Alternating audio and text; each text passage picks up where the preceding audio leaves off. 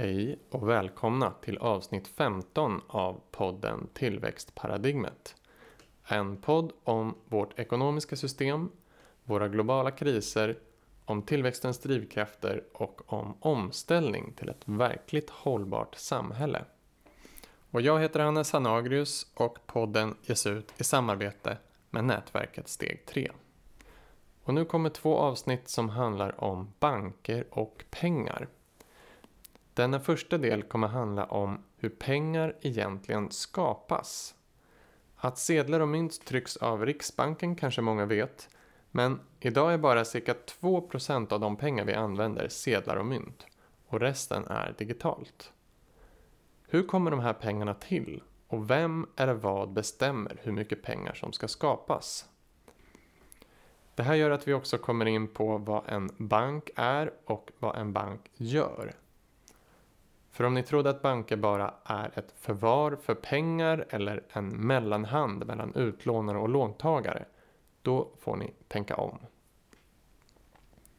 I själva verket har jag och många andra blivit mer och mer övertygade om att banksystemet och det sätt som pengar skapas på är ett av de stora hindren för att skapa en hållbar ekonomi. Både ekonomiskt, socialt och ekologiskt. Finanskrisen 2009 och den ökade ojämlikheten i världen har båda till stor del det här penningsystemet som orsak. Och för att reda ut detta hade jag ett samtal med Samuel Kassen Orefur som jobbar på organisationen Positiva pengar. En del av det internationella nätverket Movement for Monetary Reform som vill göra en reform kallad Sovereign Money eller suveräna pengar som vi kommer att förklara. Och jag kan redan nu säga att Positiva pengar har på sin hemsida en serie rätt, eh, väldigt pedagogiska videos som också förklarar hur penningsystemet fungerar och problemen. Men testa poddformatet först vet jag. Hur penningsystemet skulle kunna reformeras kommer vi dock in på först i nästa avsnitt. Men som tur var lägger jag upp båda de här delarna samtidigt, så hungrar ni efter lösningar behöver ni inte vänta. Men jag rekommenderar starkt att lyssna på det här första avsnittet först. Eh, då man måste förstå de stora problemen med dagens system och förstå vad pengar ens är för att kunna förstå lösningarna. Samuel har också skrivit en rapport som väldigt grundligt och pedagogiskt förklarar både dagens system och reformen Suveräna pengar. Den gavs ut av tankesmedjan Katalys och heter Förstatliga pengarna så stoppar vi bankerna från att skapa finanskriser. Även om jag tycker ordet förstatliga är lite missvisande. G grundtanken är inte riktigt att staten ska ta kontrollen över pengaskapandet utan att staten ska ge ett demokratiskt mandat till Riksbanken. Men den diskussionen kommer jag in på i nästa avsnitt. Innan vi hoppar in i samtalet med Samuel så vill jag bara kort kommentera kring något aktuellt. Som ni kanske läst och hört har skogsbränderna i Amazonas fortsatt under corona och trappats upp. Och nya studier visar på kopplingar mellan just klimatförändringar, skogsbränder och pandemier. Och det är just så man tror att så kallade zoonotiska virus har spridit sig. Från vilda djur till tama djur till människan. Tidigare har man kunnat koppla flera virusepidemier till skogsbränder. Till exempel Nipah-viruset i Malaysia med en dödlighet på 40 procent. Där fladdermöss som flydde från smogen till mangofarmer där också grisar åt av mangon och så smittades också människor. Brasilien som nu i juli sett de högsta antalet bränder i Amazonas på 13 år har också haft en ökning av flera zoonotiska sjukdomar de senaste åren. Denguefebern, Zika och gula febern Eh, även om jag inte vet om man kan koppla dem direkt så. Även svininfluensan, ebola, sars och nu covid-19 är zoonotiska virussjukdomar. Sars tror man också spreds via fladdermöss och covid-19 från marknader med fångade vilda djur. Så ytterligare en anledning att bevara våra urskogar. Dessutom vet vi ju att många mediciner har sitt ursprung från unika arter från tropiska urskogar och mycket värdefull genetisk information går förlorad i den här förstörelsen som potentiellt skulle kunna bota många svåra sjukdomar. Något hoppingivande är väl att många utomstående nu börjar sätta press på Brasiliens regering att stoppa bränderna. Bland annat EU, olika länder, stora fondbolag, 36 brasilianska storföretag i ett gemensamt uppror faktiskt. Upprop. Och stora investerare såsom svenska storbanker har pressat Brasilien. Det här illustrerar ju verkligen hur det sociala, vår hälsa och vårt välbefinnande är beroende av det ekologiska, stabila ekosystem. Och hur ekonomin måste vara ett verktyg som garanterar att vi respekterar de ekologiska gränserna. Det om det. Nu hoppar vi in i samtalet med Samuel om hur pengar skapas. Välkommen Samuel till podden. Tack så mycket. Vad kul att du ville vara med. Ja, jätteroligt att få komma hit. Och eh, ja, idag ska vi prata om ett för många kanske lite komplicerat ämne. Om banker och pengar. Och eh, så vi får försöka vara så pedagogiska som möjligt. Ja, det ska vi försöka vara. Ja. Kan vara lite klurigt ibland, men det går nog att koka ner till lättförståeliga, enkla koncept tror jag. Ja, vi hoppas det. Och eh, jag tänkt på att vi har lite lika röster så man får se om man har samma pitch liksom. Så man kanske tror att det är samma person som sitter och pratar med sig själv. Jag får förvränga min röst lite grann. ja, men det går nog bra.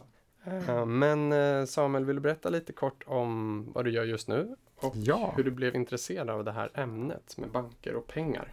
Penningpolitik. Just nu så är jag engagerad i en ideell förening som heter Positiva pengar. Mm. De verkar för ett mer demokratiskt och hållbart och rättvist penningsystem. Mm. Och eh, jag koordinerar lite studiecirklar runt om i Sverige. Det är det jag sysslar med just nu. Så idag ska vi dra igång en här i Stockholm och sen eh, nästa vecka kommer vi starta en i Malmö. Mm. Så jätteroligt, högt intresse för de här. Cirkeln i Malmö den var slut ja, anmäld Mm. redan för, det var över en månad sedan. Så. 20 platser uppfyllda, smack, så står det folk i kö på väntelistan också. Så, kul. så det fin- finns stort intresse för de här frågorna. Finns det studiecirklar Mm. man fortfarande kan anmäla sig till? Ehm, man kan ställa sig på väntelistan i, i Malmö då, Ja. kan fortfarande. Får vi se när den här podden ges ut Finns också. det- ja, se. Men, ja. Stockholm finns platser kvar, och Göteborg också, i Sundsvall har Mm. Okej. de påbörjat en cirkel nu också. ja, vad roligt. Skövde och Kri- Kristianstad ska vi ha Mm. snart också. Planen. Så det är Så- jätteroligt. Ja. Utbilda om hur banker funkar och hur penningsystemet funkar och vad Exakt. pengar egentligen är. Och, ja. För ehm, positiva pengar kanske kommer växa lite i Sverige eh, möjligtvis. För det är just en större organisation i England. ja, Mm. precis. Rörelsen startade, det var efter finanskrisen egentligen, så började fler och fler fundera, hur kunde det här hända? Mm. Hur var det här möjligt och vad, vad kan vi göra åt det för att det inte ska upprepas igen? Mm. Och Positive Money i Storbritannien var den första rörelsen som växte fram i kölvattnet av de här, här diskussionerna. Mm. och föreslog då att centralbanken skulle få ensamrätt på att skapa pengar. Mm. Och det var ju få som, som kände till alls hur pengar Ja. Skapades. få folk att strida för en fråga eh, som man inte riktigt alls med på. Liksom. Mm. Eller i och med att kanske många tänker sig att det redan är så. Att Precis, att de allra flesta tror att det är så, så det blir lite konstigt pengar. att komma ut och propagera för något som de flesta tror är självklart. Ja. Va? Är det på det Men vi- viset? Men de har lyckats väldigt bra där, så de har en stor organisation, massa anställda. Precis. Den spred ju sig till fler länder, så nu finns eh, i 27 länder nu finns IMMR, International Movement for Monetary Reform. Mm. Så det är jätteroligt och Mm. i Sverige är vi på framfart nu, Ja. minst sagt. Och även lite kändare ekonomer har börjat uppmärksamma de här Ja. frågorna. Precis. Mm. Eh, Oftast är det tidigare avhoppade centralbankschefer och Mm. ordförande för finansinspektioner och sånt där. Så fort de där går i pension så ställer de, tar de ett kliv bakåt och så funderar de lite grann. Hur smart var det här vi höll på med egentligen? Då landar de ofta i slutsatsen som han, Miguel Ordonez till exempel, han var Mm. centralbankschef i Spanien förut. Han säger det, ja men det, det man sysslar med nu med Basel-regelverken och alla sätt att försöka styra upp det här. Ja, det är, ju, det är väldigt rationellt och smart och vettigt om man köper grundpremisserna för hur Mm. hela liksom, systemet ska or- organiseras. Men om man börjar ifrågasätta grunden, var, varför har vi organiserat på det här viset? Ja, men då, då framstår det som rena ja, d- dumheterna, då är det ju Mm. fullständigt absurt. Det som, ja, Ja, det är så, så det, det är att- spännande. typiskt för vårt samhälle att man är så inriktad på det man gör i sitt Ja. arbete, att man bara fortsätter i samma spår liksom. Och det är först när man kanske slutar sitt jobb som man faktiskt kommer på. Ja. Eller det kan ju också ha att göra med att man inte vå- vågar ifrågasätta Ja, allting. kan. Vi kan ta ett exempel bara. Mervyn King till exempel, som var centralbankschef i England. Han har skrivit en bok som heter End of Alchemy. Mm. Eh, Där han argumenterar för att ja, id- idag det bankerna sysslar med i princip alkemi. Då. De skapar guld, eller skapar pengar ur, ur, ur tomma intet och han tycker att det är bedrövligt. Han har ju uttalat sig och sagt att dagens system är det värsta tänkbara av alla möjliga penningsystem. att det måste reformeras. Ja. Det är lite Det går inte att tänka sig något sämre. Precis. Ja. Nej, vi kan säkert tänka oss några värre Ja. system då, men man- man förstår ju andemeningen av det han Mm. vill säga där. Och då ska vi försöka komma in på hur det här systemet funkar nu. För många, ja det finns en del föreställningar om hur det fungerar nu. Man, många kanske tänker sig då att banker fungerar så att de lånar ut andra sparpengar. Och så tar man liksom mellanskillnaden i ränta. Så det är det som blir vinsten till banken. Så att pengar kommer in och pengar lånas ut. Och det stämmer ju inte riktigt, som vi kommer in på. Eh, och andra som kanske har funderat lite på hur pengar kommer till tänker då att centralbanken skapar pengar och lånar ut det till de privata bankerna. Eh, och det stämmer inte heller. Och sen eh, ekonomer och eh, de som går ekonomiutbildningar, de får lära sig lite mer avancerade förklaringar. Eh, till exempel det som kallas multiplikatormodellen, som vi kommer in på. Men det här med positiva pengar, det stämmer inte heller. Vill du förklara lite vad som är fel på de här Ja, föreställningarna? Absolut. Ja. Eh, Jag kan ju börja med en ännu enklare modell som faktiskt ganska många tror på fortfarande idag. Positimannen gjorde en opinionsundersökning och kollade, jag minns inte hur många procent det var exakt, men det var väl säkert upp på 30-40 procent eller någonting. Mm. Om jag bara höftar till med något. Men de tror att banker funkar som en spargris, så att man kommer med sina pengar till banken så bara deponerar man där och så ligger de där och sen Mm. kommer man tillbaka och kan hämta ut dem igen. Så rör de inte. Och den modellen är helt, Mm. helt felaktig. Kassavalv liksom. Ja, kassavalvsmodellen. Men Ja. det är väl liksom som man får lära sig som barn lite grann. Ja, men banken, där, där, de lagrar dina pengar. Precis, mång, många tänker ju så. Mm. Det är ju, man har sin spargris när man är liten och lägger ner sina mynt och sedlar sen kan Mm. man komma och hämta dem. Banken Precis. ska vara det säkraste som finns. Med Ja. Vakter och säkerhetssystem och sånt där. Men nu när man kommer till bankerna så säger de nej, vi har inga pengar. Nej, Det finns Det- inga kontanter här. Du får gå till någon det finns det inte längre. De annat kontor. bankerna har ju försökt göra sig av med alla Mm. kontanter men nu har det ju kommit en ny, ny lag då som tvingar Precis. bankerna att hålla kontanter ändå. Det- Mm. Tur det. Men den modellen stämmer inte. Men sen har vi ju den lite mer komplicerade modellen som du nämnde, att de skulle funka som en mellanhand. Så att vi lämnar in pengar hos banken och så tar banken dem där och lånar ut dem till någon annan. Och sen så tjänar de då en mellanskillnad på, på räntan här. Mm. Men eh, så fungerar det inte heller. Och det gick Bank of England, de, de gick ut med en artikel ett antal år sedan och, och förklarade tydligt att det här var ett missförstånd, ett vanligt Mm. missförstånd om, om hur banker, banker funkar. Men, ja, Har det fungerat så någon gång i historien? alltså det, det kan man nog Ja, det, det, det är möjligt att det har fungerat så någon gång. Det någon kan gång vara i en, ett historien, annat avsnitt någon, kanske. någon plats. Historisk fördjupning. Men ja. om, om vi går tillbaks till 1600-talet och mm. Och när, när, när fractional reserve banking uppfanns där, då, det, det, bankerna gjorde då var att de, de började ge ut sedlar, trycka sedlar. Första banksedeln den trycktes i, i Stockholm av Stockholm Bank, tror jag för mig. Mm. Och sedlarna var ju en skuld på guld som fanns i bankernas Mm. valv. Och ehm, Man kunde lösa in sedlarna och få guld. Ja, då kunde man läsa in dem och, och få, få, få, få ut guld istället. Men bankerna insåg ju mycket snart att det gick ut mycket mer sedlar än vad, vad, vad man hade, hade guld i valvet. Det räckte med ungefär ja, 10-20 procent sådär i, Mm. i, i faktisk skuld för att täcka sedlarna. Vilket gjorde att man Mm. kunde låna ut mer. Precis.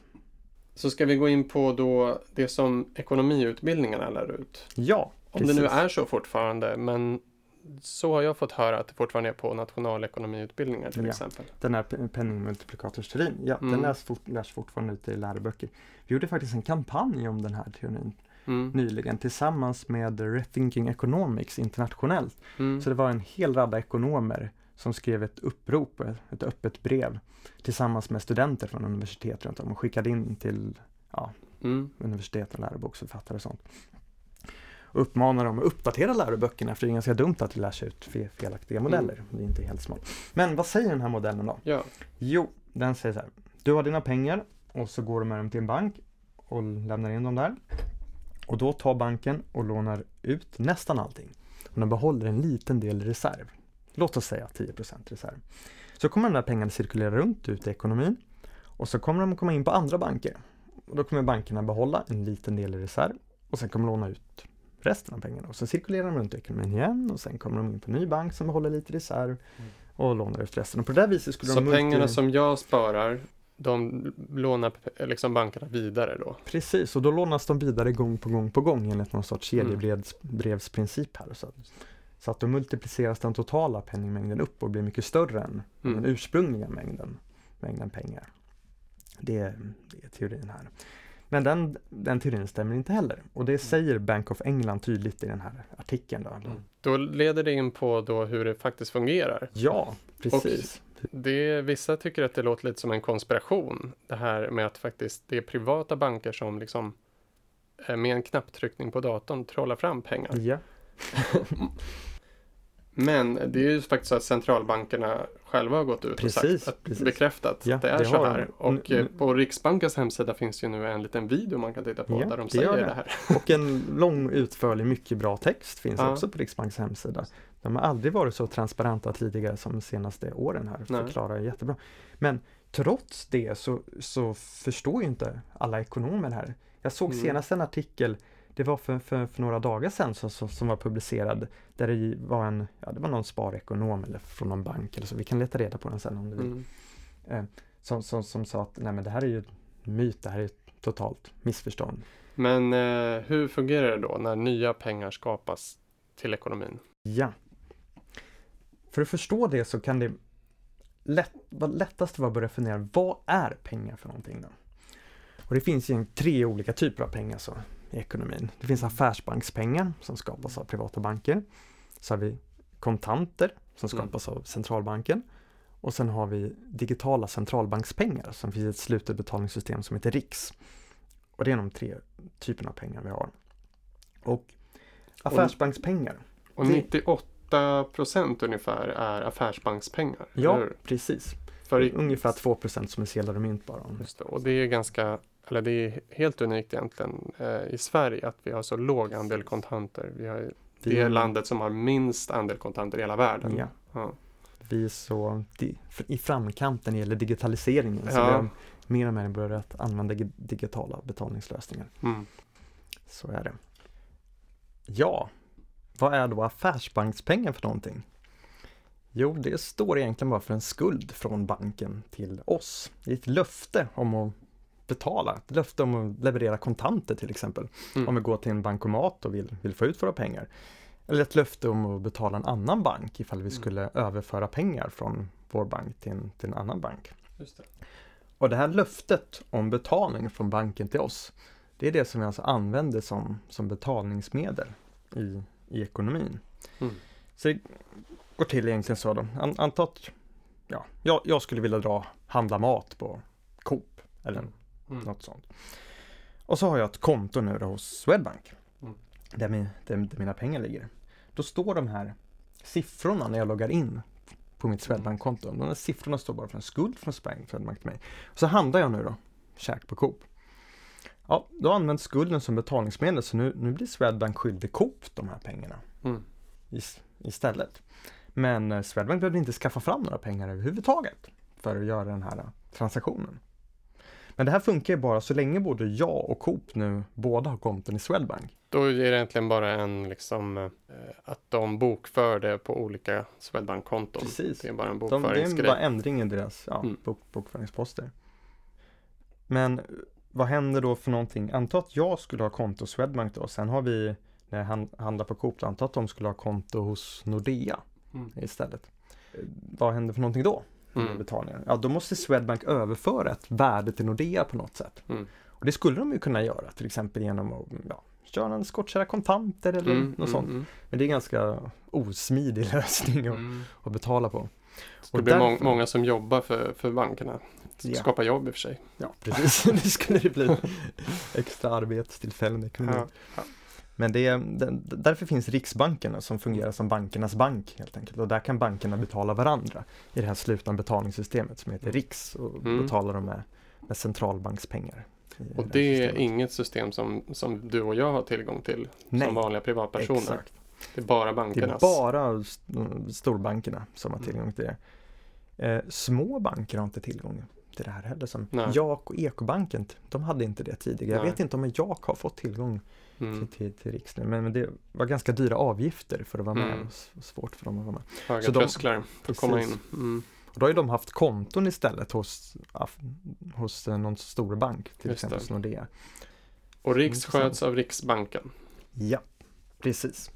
Så om du har Swedbank och jag har Nordea och du ska betala mig så för Swedbank eller genom rikssystemet så förs det över pengar då, rikspengar från Swedbank till Nordea. Precis, Mm. precis. Då, då måste de betala varandra i det, Mm. det systemet.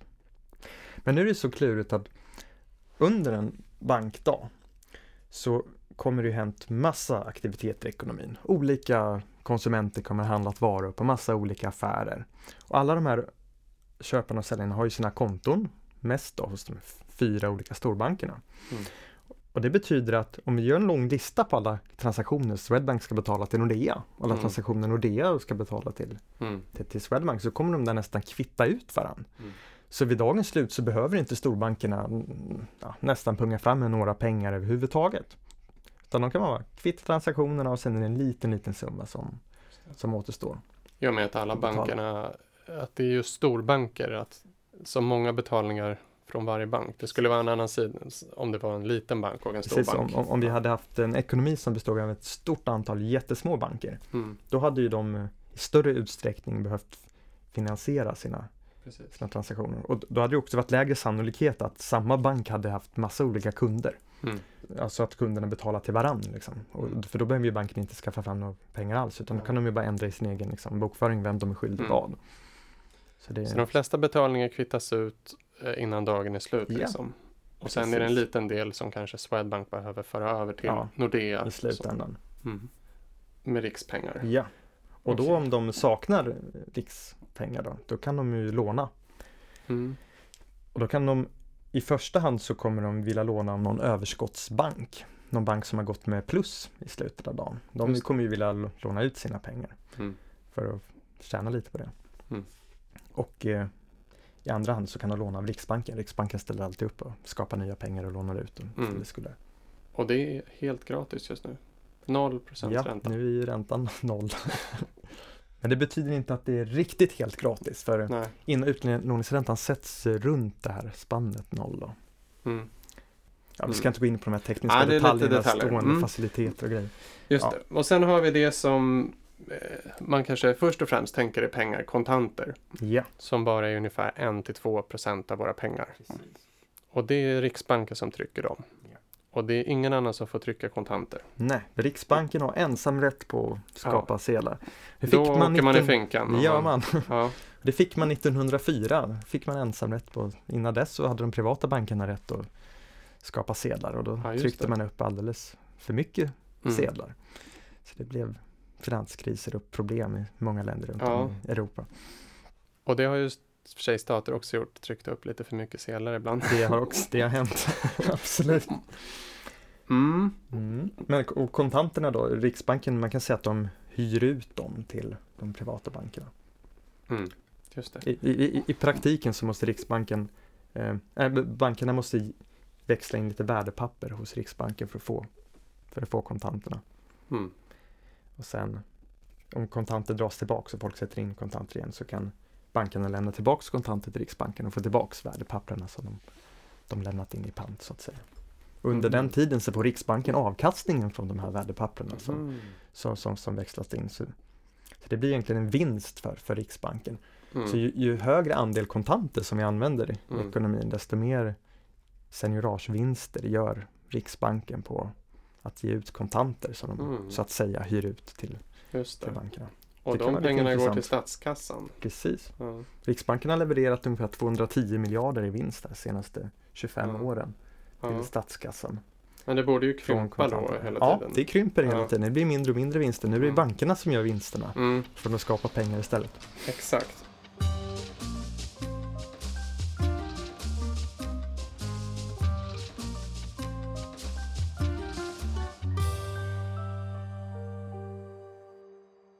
Så när eh, nya pengar skapas, vad är det som händer då?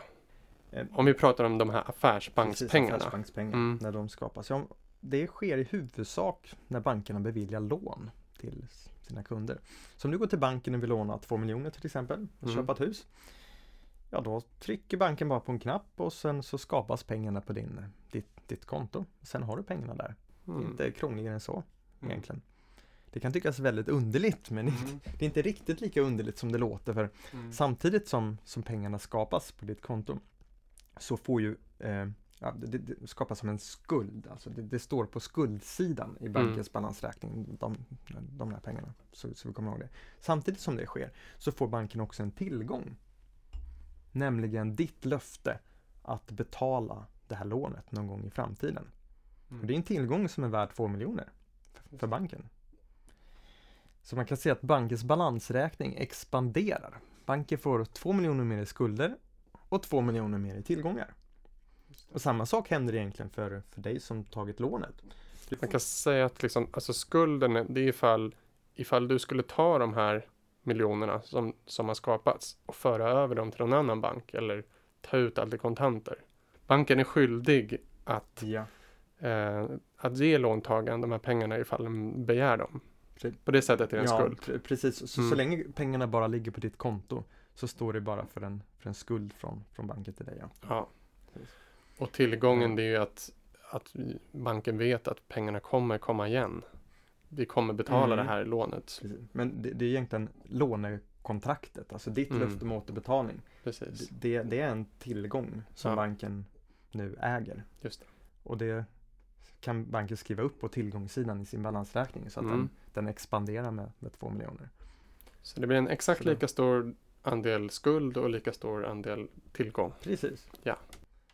Och så kan man också resonera om, om dig då som privatperson. Om vi kollar på din balansräkning när du tagit lånet. Så har du ju fått 2 miljoner i tillgångar. Det vill säga affärsbankspengar som ligger på ditt konto när du loggar in där på banken. Mm.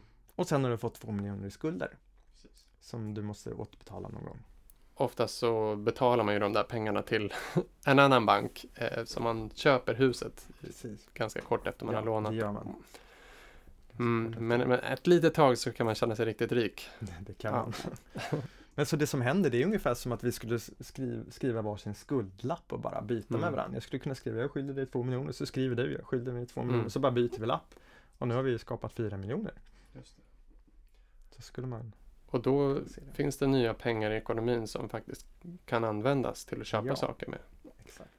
Och hur försvinner pengar då kan man ju också fundera över i det, Mm. i det läget. Och det är på samma sätt som, som när de skapas ungefär. När vi amorterar på våra lån då blir banken av med en tillgång. Värdet av mitt lånekontrakt har ju krympt och eh, ja, banken blir också av med en, en skuld. Mängden affärsbankspengar krymper lite grann. Just det. att när, när vi betalar affärsbankspengar till en bank, det som händer då är att ja, då tar bara banken bort de där siffrorna från vårt, från Mm. vårt konto så det är lite lägre skuld som banken har till oss. Så både skulden och tillgången försvinner samtidigt. Då. Så varje gång alla betalar tillbaks sina, på sina lån så minskar pengamängden, penningmängden i ekonomin. Helt enkelt. Ja, Och det är ett av problemen som vi kommer in på ja sen. det, är, det kan skapa lite instabilitet då för i, Precis. i högkonjunkturen när allting går bra och alla är optimistiska då, då är det många som vill låna och bankerna är väldigt positiva till att låna ut mycket och då kan penningmängden expandera väldigt snabbt Mm. och det kan elda på en, en högkonjunktur så att ekonomin Mm. snurrar som bara attan. Och i lågkonjunktur när saker går dåligt då och folk ja, kanske blir av med jobbet och inte kan betala på sina lån och måste lägga en större andel av sina inkomster på att betala räntor och Mm. sånt. Ja, Precis, för det som liksom- pessimistiska och så stryper de åt utlåningen. Och, Precis, för även om det liksom bara är att trycka in eh, två miljoner på datorn så vill ju inte banken låna ut till vem som helst. nej. Utan man vill ju att personen ska kunna betala tillbaks lånet. Mm. Och eh, då har man olika säkerheter som inkomst Mm. och, och Ja, hus precis. Det där är ju tillgångar. väldigt viktigt. Banken kan ju inte bara trycka Nej. upp hur mycket pengar den vill och bara dela ut som vinst till sina ägare eller Nej. göra något i, i den Man kan inte stilen. skapa pengar till sig själv Nej, som bank. det, det går inte. Man kan skapa pengar så länge man använder dem på ett sådant sätt att, att eh, banken får en tillgång som är lika stor som, som skuldsidan som den ex, Precis. expanderar. Och, och det kan ju vara, banken kan köpa en aktie till exempel eller värdepapper eller Mm. köpa obligationer eller någonting. Mm. Det kan banken skapa pengar att göra. Ban- Banken kan också köpa ja, kontorsutrustning eller bilar eller Mm. annat sånt där. Det är tillgångar som går att skriva upp på tillgångssidan.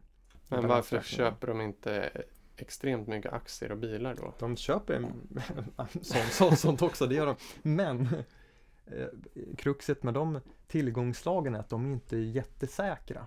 Jag menar en bil kanske skulle rosta ihop efter ett tag och värdet Mm. krymper. En eh, aktie, det kanske inte går bra på aktiemarknaden. och Det kanske finns vissa risker inbyggda Ja. i, i den där. Och då om, om nu värdet på tillgångarna skulle rasa ihop men banken är fortfarande kvar lika stor skuld på skuldsidan, då blir det problem.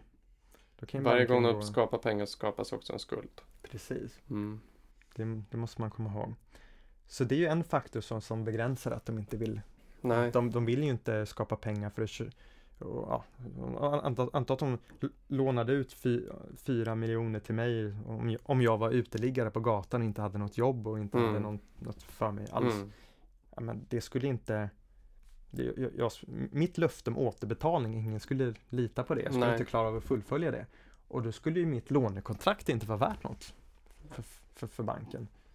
Och, Och då skulle Li- de inte få ha en tillgång som svarar mot precis. pengarna de skapade. och lite det som kanske hände under finanskrisen. Precis. Men, men eh, du, du kom in på det här med att bankerna liksom eldar på lite konjunktur upp och nedgångar. Ja.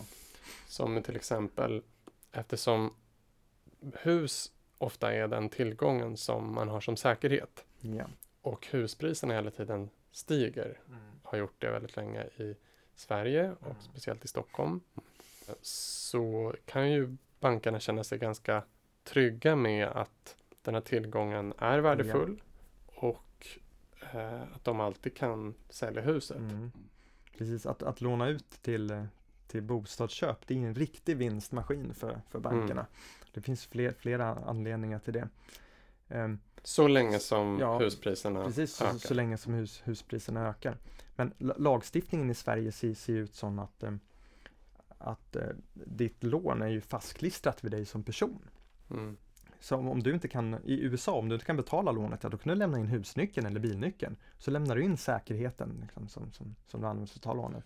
Och sen blir du skuldfri, men i Sverige så blir du inte skuldfri på det Nej. viset. Och det gör ju att det är extra extremt säkert för bankerna att låna Mm. ut till, till, till bostadskunder.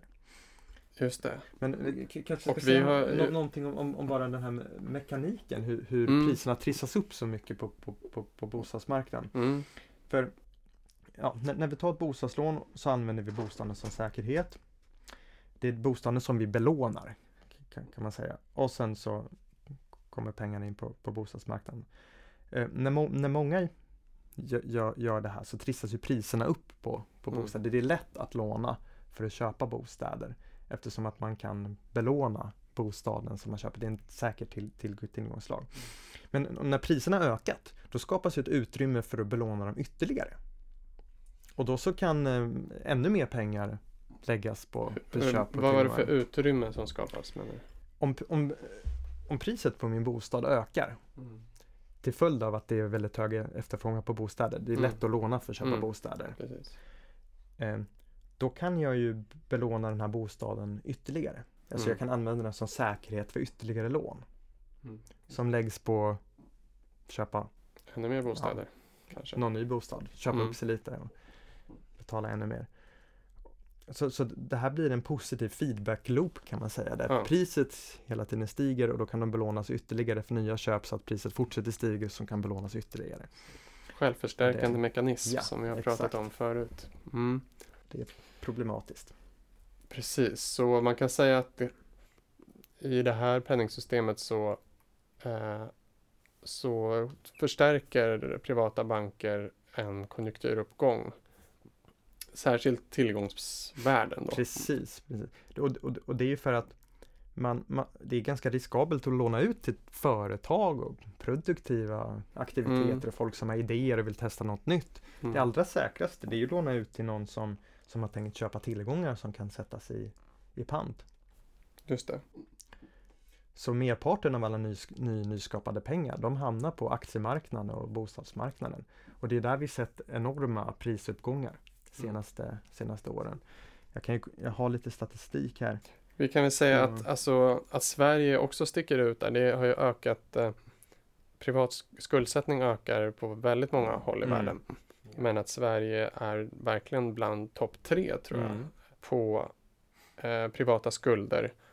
Och eh, jag tror att du skriver det i din rapport eh, att eh, från, två, från 1996 så ökade procenten av din disponibel inkomst som är privat skuld från 80 procent till 180 procent 2016.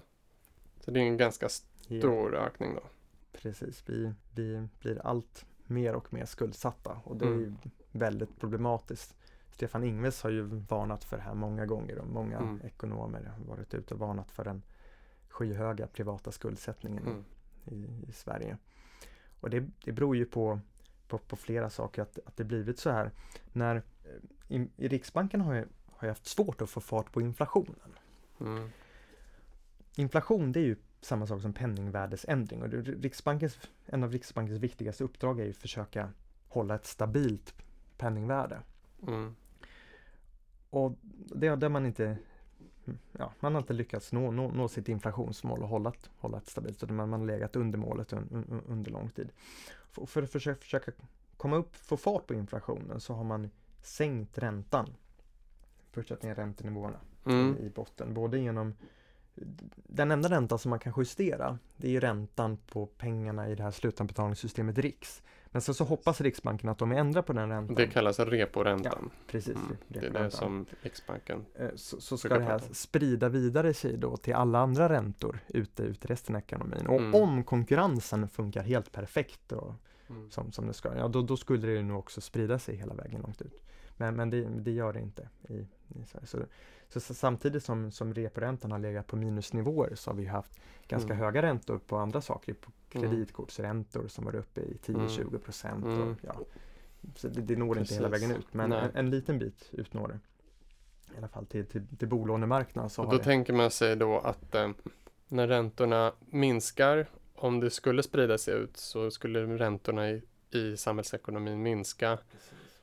Eh, och på olika sätt så ska det här trigga inflationen. Ja, ta- tanken är att då leder det till mer utlåning så att eh, mer pengar kommer ut i ekonomin och, Ja. och investeras i saker. Och vi köper Mm. mer varor och tjänster. Och då då är går tanken att- priserna upp. Ja, när Mm. efterfrågan ökar på, på varor och tjänster så går, går priserna upp. Exakt.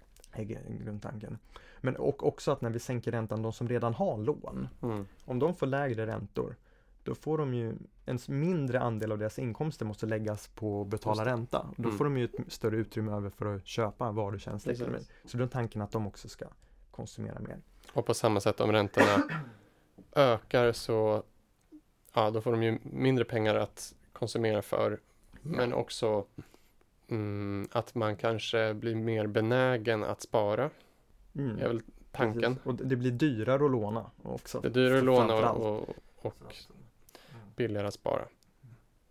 Eller mer lönsamt att spara. Man får ju inte så mycket ränta på Nej, sparkonton. det gör man och- inte. längre. Men Så, så tanken är ju då att Riksbanken ska kunna påverka inflationen i ekonomin på det här sättet. Mm. Men det lyckas inte Riksbanken särskilt eh, bra med. nej. Och, och orsaken till det är ju att merparten av pengarna när bankerna lånar ut mer, de, de fastnar då på bostadsmarknaden och på aktiemarknaden. Det är dit de går. Det här har lett till att priset på bostäder har ökat i genomsnitt 7% varje år de senaste 30 åren. Mm. Och aktiepriserna kollar vi på OMX30 som är storbolagsindex. Ja, i- index, så de har ökat 12% per år i genomsnitt under Mm. cirka 30 år. Så det är gigantiska prisökningar som har skett här.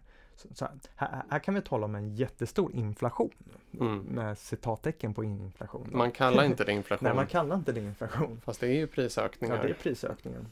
Men det som man pratar om när det är inflation, det är då liksom vardagsvaror som man köper. Precis. Det är saker som mäts med KPI, konsumentprisindex. Mm. Och det är ja, vanliga saker som vi köper när vi går och handlar i, i, i affären. Mat och teknikprylar och sånt.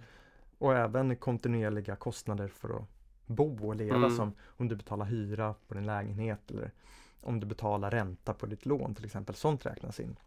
Just det, räntan på Ja. lånet betalar eller räknas in i KPI men inte Mm. själva till att husvärdet ökar. Nej, Utan det är nej precis. annat. Själv, själva priset på bo, bostaden räknas inte in. Men den kontinuerliga levnadskostnad för att bo, bo Mm. där räknas in. Så man kan säga att liksom Riksbanken ville få upp KPI egentligen. Man ville Ja. få upp inflationen på saker som vi köper. Precis. Då, egentligen är deras grunduppdrag att man vill ha ett stabilt penningvärde. Liksom.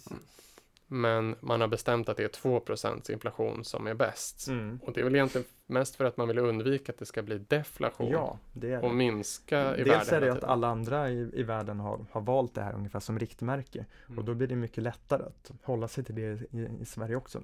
Mm. Vi skulle ha en avvikande inflationstakt kan bli, kan bli lite Ja. klurigare i relation till dem. Och Men- sen är det som du Men säger. att det inte är noll är väl också lite att det kan finnas en del positiva effekter av att ha lite inflation. Ja. Eh, om man tänker, om man har tillväxt som, som strävan i alla fall. Eh, för det blir ju då mm, en liten sporre att konsumera upp pengarna istället för att spara dem eftersom om man Precis. sparar dem så minskar de i värde. Ja, p- pengar är ju tänkt för att användas. Det ska ju vara någon sorts smörjmedel i ekonomin Ja. som ska underlätta transaktioner. Exakt. Och då blir det väldigt konstigt om, om vi skulle ha en situation med deflation där pengarna blir mer och mer värda om du bara sitter och trycker på dem och inte använder dem.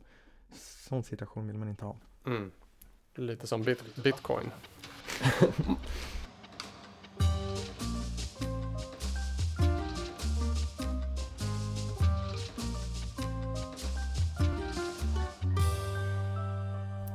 Så man kan säga att eh, Riksbankens mål om att man vill öka inflationen eh, bland vardagsvaror misslyckas lite till förmån för att man får inflation kring tillgångar som bostäder och aktier istället.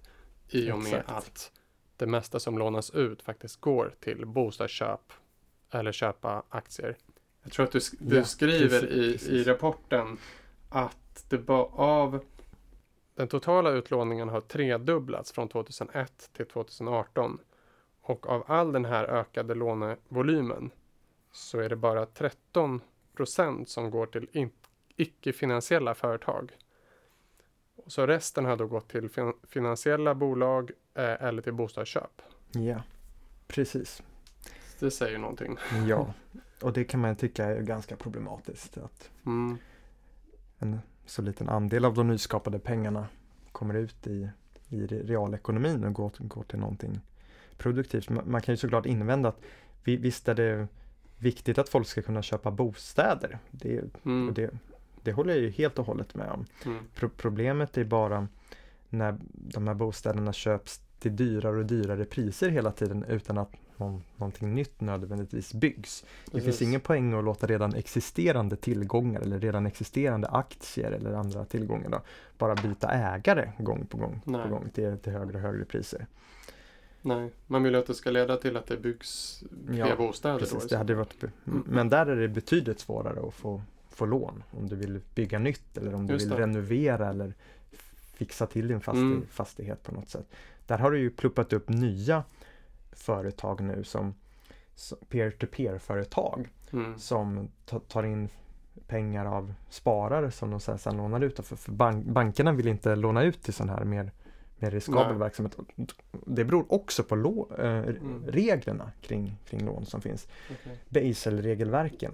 Alltså vad peer-to-peer, vad var det för något? Peer-to-peer eh, lending. Det är Ah, banker Ja, ja, ja, ja, som eh, de tar in pengar från sparare som de sen lånar ut. De verkar på andrahandsmarknaden för banker. Mm. De, de är inte riktiga banker som skapar pengar utan de, Nej, de de- gör lite det man tänker sig att banker gör. Och de lyder inte under samma hårda regelverk Nej. som, som bankerna. Alltså de, de, de riktiga bankerna, de, de har ju en rad subventioner och privilegier och bankargarantier från, från, Mm. från staten. Och, och det, det det beror ju på att när vi använder bankernas skulder Mm. som betalningsmedel, vad händer då om banken inte kan betala sina skulder? Mm. Ja, då skulle ju våra pengar försvinna eller förstöras, eller förtroendet för våra pengar skulle ju Mm. skulle gå upp i rök. Och i och med att det är ha det. 98 procent av alla pengar så blir det trubbel. Ja, då, då låser sig hela betalningssystemet. Det skulle Ja. inte funka. Och, då, och då måste ju staten backa, backa upp systemet. Men eh, ja, med ett löf, mer eller mindre löfte om att ja, får banken problem så räddar vi, räddar vi banken. Mm. Det krävs ett sådant löfte. Och, och, och när man ger bankerna då, den här implicita garantin om, om, om att rädda dem å ena sidan, ja då måste man också försöka strypa åt bankerna med hårda regelverk för att motverka att de tar för höga risker och Mm. motverka att de missbrukar sitt privilegium som de har fått i, i och med det här. Så vi både eldar på dem samtidigt som vi stryper åt bankerna Mm. samtidigt och det kan ge lite konstiga effekter. Mm. Och sen Mm. har vi också det här insättningsgarantin. Ja, Eh, precis. som är då att om banken går i konkurs eller de här pengarna försvinner så lovar staten att ersätta eh, oss bankkontoinnehavare. Ja, det, det, är ju, det är ju ett löfte om att betala bankernas skulder. Om Ja. bankerna inte kan göra själva. Det är det som insättningsgarantin är. Mm. Och i och för sig så den, den är ju tänkt nu att finansieras genom en, en fond som bankerna betalar en procentuell avgift till. Just. Insättningsgarantifonden. Som de gärna kallar bankskatt. Ja, det, Eller man kan, man kan, kallats, man kan se det som en skatt. Det finns också en resolutionsavgift som en, Ja. en det är en annan avgift Mm. som, som man betalar in för, för att hjälpa bankerna Mm. i, i, i kris. Men, men insättningsgarantifonden täcker ju bara en liten, liten del av den totala penningmängden. Jag tror att det var 1,5 procent senast jag Mm. räknade på det. Om det skulle bli en större kris så att bankerna inte kan betala mer än 1,5 procent av sina Då måste staten ja, betala Då måste staten rycka in och betala i alla fall. Och det måste man göra för annars så Mm. låser sig betalsystemet. Mm. Exakt, och med det här i ryggen så tar bankerna väldigt stora risker då. Precis, det leder ju till en ganska problematisk situation av moral hazard kan man säga där Mm. riskerna är, är socialiserade och vinsterna är privatiserade Just det. brukar man säga. Mm. Det inte särskilt önskvärt. Men om vi ska koppla tillbaks till, Mm. vi sa det här om företagen och, deras finansiering. Ehm, det är ju de här hårda Basel eh, re. Vad är det för något? De, de, de finns för att eh, ja, det är krav på kapital eh, täckning. b- Bankerna måste ha tillräckligt stora tillräckligt säkra tillgångar Mm. eh, för att få låna ut. Nå- För varje någonting. miljon som de lånar ut måste de... Ja, de, de måste, det beror på vad de lånar till. Då. Ja, Så om, om banken skulle låna ut till något väldigt säkert Mm. så kan de skapa mer pengar att låna ut. Mm. Om de skulle låna ut till någon osäker eller riskabel verksamhet som till exempel ett företag som vill eh, köpa upp en, eh, ett fastighetsområde och renovera upp det och sen hyra Mm. ut det. Mm. Eller om de vill renovera en skola eller ett äldreboende eller sånt där. Det där räknas som mer, mer Det riskabelt. Aha, okej. Ja, samhällsnyttiga Medan grejer. äh, köpa bostäder, existerande bostäder, det är mindre riskfyllt då. Eh, ja, det är mindre risk för, för då har du redan ett fast värde på, på, på, den, där, på den där tillgången. Mm. Men, men om, om, om du ska ta, ta ett lån för att liksom renovera upp eller bygga eller liksom omvandla Mm. någonting, då är det ett värde som kommer skapas i, i, Mm. i framtiden som du lånar för. Och, göra. Då belånar du inte bara tillgången för att köpa tillgången. Liksom. Då, då, då är det mer riskfyllt och då sätter de här BC-regelverken ja, ibland käppar i, Mm. i hjulet och gör att bankerna inte kan, inte kan Nej. låna ut och då, då får företag försöka finansiera sig på andra sätt. Mm. Genom att låna av varandra eller av ja, dotterbolag som lånar moderbolag eller de ger ut företagsobligationer eller så kan de gå till sådana här peer-to-peer lendingföretag som Tessin till exempel som tar in pengar från privatpersoner som de lånar ut. Men de här kapital, det här kapitaltäckningskravet som banken ska ha, det kan vara lite olika typer av kapital. Ja. Det kan, alltså, det kan ju vara vinsten man har gjort på alla räntor till exempel. Då är det affärsbankspengar men så kanske man har investerat dem i olika aktier så att det är värdepapper som är grunden. Alltså kapital. kapitalkraven de, det, det går till så att, att bankens alla olika tillgångsslag poängsätts. Mm. Och de får, får ja, högre eller lägre poäng då, beroende på hur, hur riskabla de här tillgångslagen beräknas mm. vara enligt, enligt regelverken. Och den allra säkraste formen av tillgångslag det är centralbankspengar hos, hos Riksbanken. Det ger, ger full pott. Mm. Utlåning till kommuner och landsting räknas som, som väldigt eh, säkert. Mm. Så att ha en tillgång som består av ett, ett, ett eh, krav på pengar från kommuner eller landsting. Liksom att ha ett mm. lånekontrakt på tillgångssidan som bank som, som består av löfte om återbetalning från kommun. Liksom, det räknas som väldigt säkert. Och då kan bankerna nästan alltid låna ut hur mycket som helst till. Mm. Så det kan man säga begränsar lite grann hur mycket bankerna kan pumpa in pengar i ekonomin. Ja, det, det gör det. Ja, det, det, har vi diskuterat. Eh, mm, det här mm. med om jag har låg kreditvärdighet till exempel så vill ju banken mm. inte låna ut till mig. Om de inte litar på mitt löfte om återbetalning. Mm. Så det är också en sån där faktor som hämmar eller begränsar utlåningen. Ja, precis. Ja. Och som det låg efterfrågan på lån generellt så ingen vill låna någonting. Nej. Ja, då kan ju bankerna heller inte Men det är lite som att eh, om, så länge bankerna rör sig åt samma håll alla samtidigt liksom, ja. och ökar sin utlåning då, då är det inte så mycket problem för dem för då vet de att ekonomin kommer liksom fortsätta rulla på Precis. ett tag till. Men om någon stor bank slutar eller höjer räntorna väldigt mycket eller ställer högre krav på låntagare då smittar det av sig. Ja, det, det, är ju en, en, delvis psykologisk sak. Mm. Det. Så länge tron på att expansionen kommer att fortsätta och att allting går jättebra, så länge den håll, mm. hålls vid liv så kommer ju alla banker kollektivt eh, kunna skapa så mycket mer pengar så mm. att alla tillgångsvärden ökar så pass mycket så mm. att bankerna uppfyller alla kapitalkrav. Ja. Så de kan fortsätta att skapa mer pengar och låna ut mer så tillgångsvärden ökar. Det, det blir en, ja, Precis, det är en spiral. Grund, grundläggande fel också då med kapitaltäckningskravet i och med att det baseras på tillgångsvärden också. Mm. Alltså så länge tillgångspriserna ökar ja. så ökar också ditt kapital som precis, bank. Precis, och då kan du låna ut mot en mm. Ja, banken har ju olika strategier de, de kan använda för, för att bemöta hårdare kapitalkrav. De kan ju mm. till exempel gå med mer vinst. De kan ju skruva upp räntemarginalerna lite grann. Och, mm. eh, ja, då kan du bygga upp sina egna buffertar så att de, mm. de kan låna ut, låna ut mer.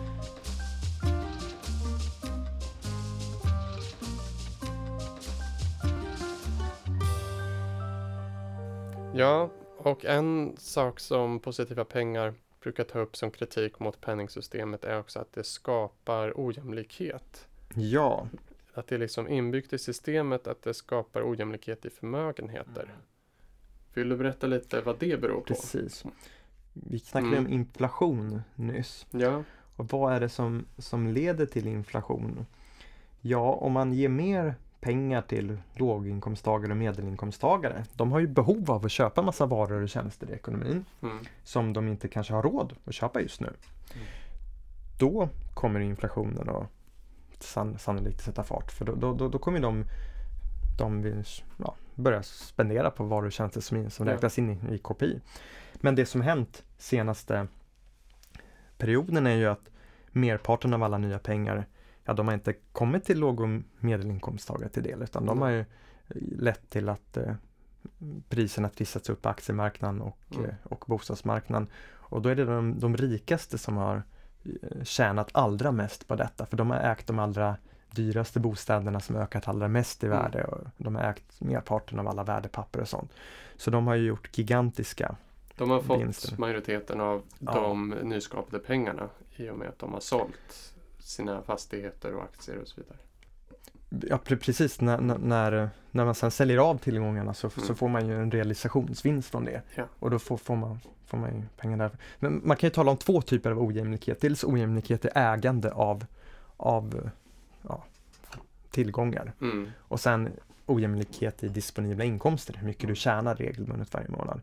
Och kollar man på, på, på, på tillgångar och så räknar vi ut tillgångar minus skulder, då får vi net, nettoförmögenheten. Mm. Om, om, om vi kollar på den så har den ökat från 560 miljarder 1975 till ungefär 18 700 miljarder 2017. Så, så mycket har, har alla, ja, hela Sveriges eh, nettoförmögenhet, Mm. alla, den, den privata nettoförmögenheten. Just det. Ja, ökat så mycket mellan, mellan de Ja, åren. nu känner vi oss rika. Nu känner vi oss riktigt rika. Det här, det här är en Sverige. 33 gångers fördubbling på, Ja. för, på 42 år. Jäklar vad rika vi har blivit. Ja, och det är ju knappast så att ekonomin har faktiskt vuxit sådär mycket på Nej. riktigt. BNP har ju inte vuxit så snabbt. Nej. Och kollar vi på fördelningen nu av, av, av den ökade förmögenheten, då är 14 500 av de här miljarderna har, har gått till de 10% rikaste. Okej, och hur Och- och- stor andel är det? Ja, det, Ja, det behöver ja, inte räkna ja, ut det, det, det, det är 18 700 miljarder to- to- totalt. Då, Och så, 14 så 000 14 av dem. 500 har gått till. Så det är bara 4 Den 000. absoluta majoriteten. Ja. ja har gått till de 10% rikaste. Precis. Och, och 4 200 miljarder har gått till rest- resterande 90, 90 procent Mm, mm, av värdeökningen.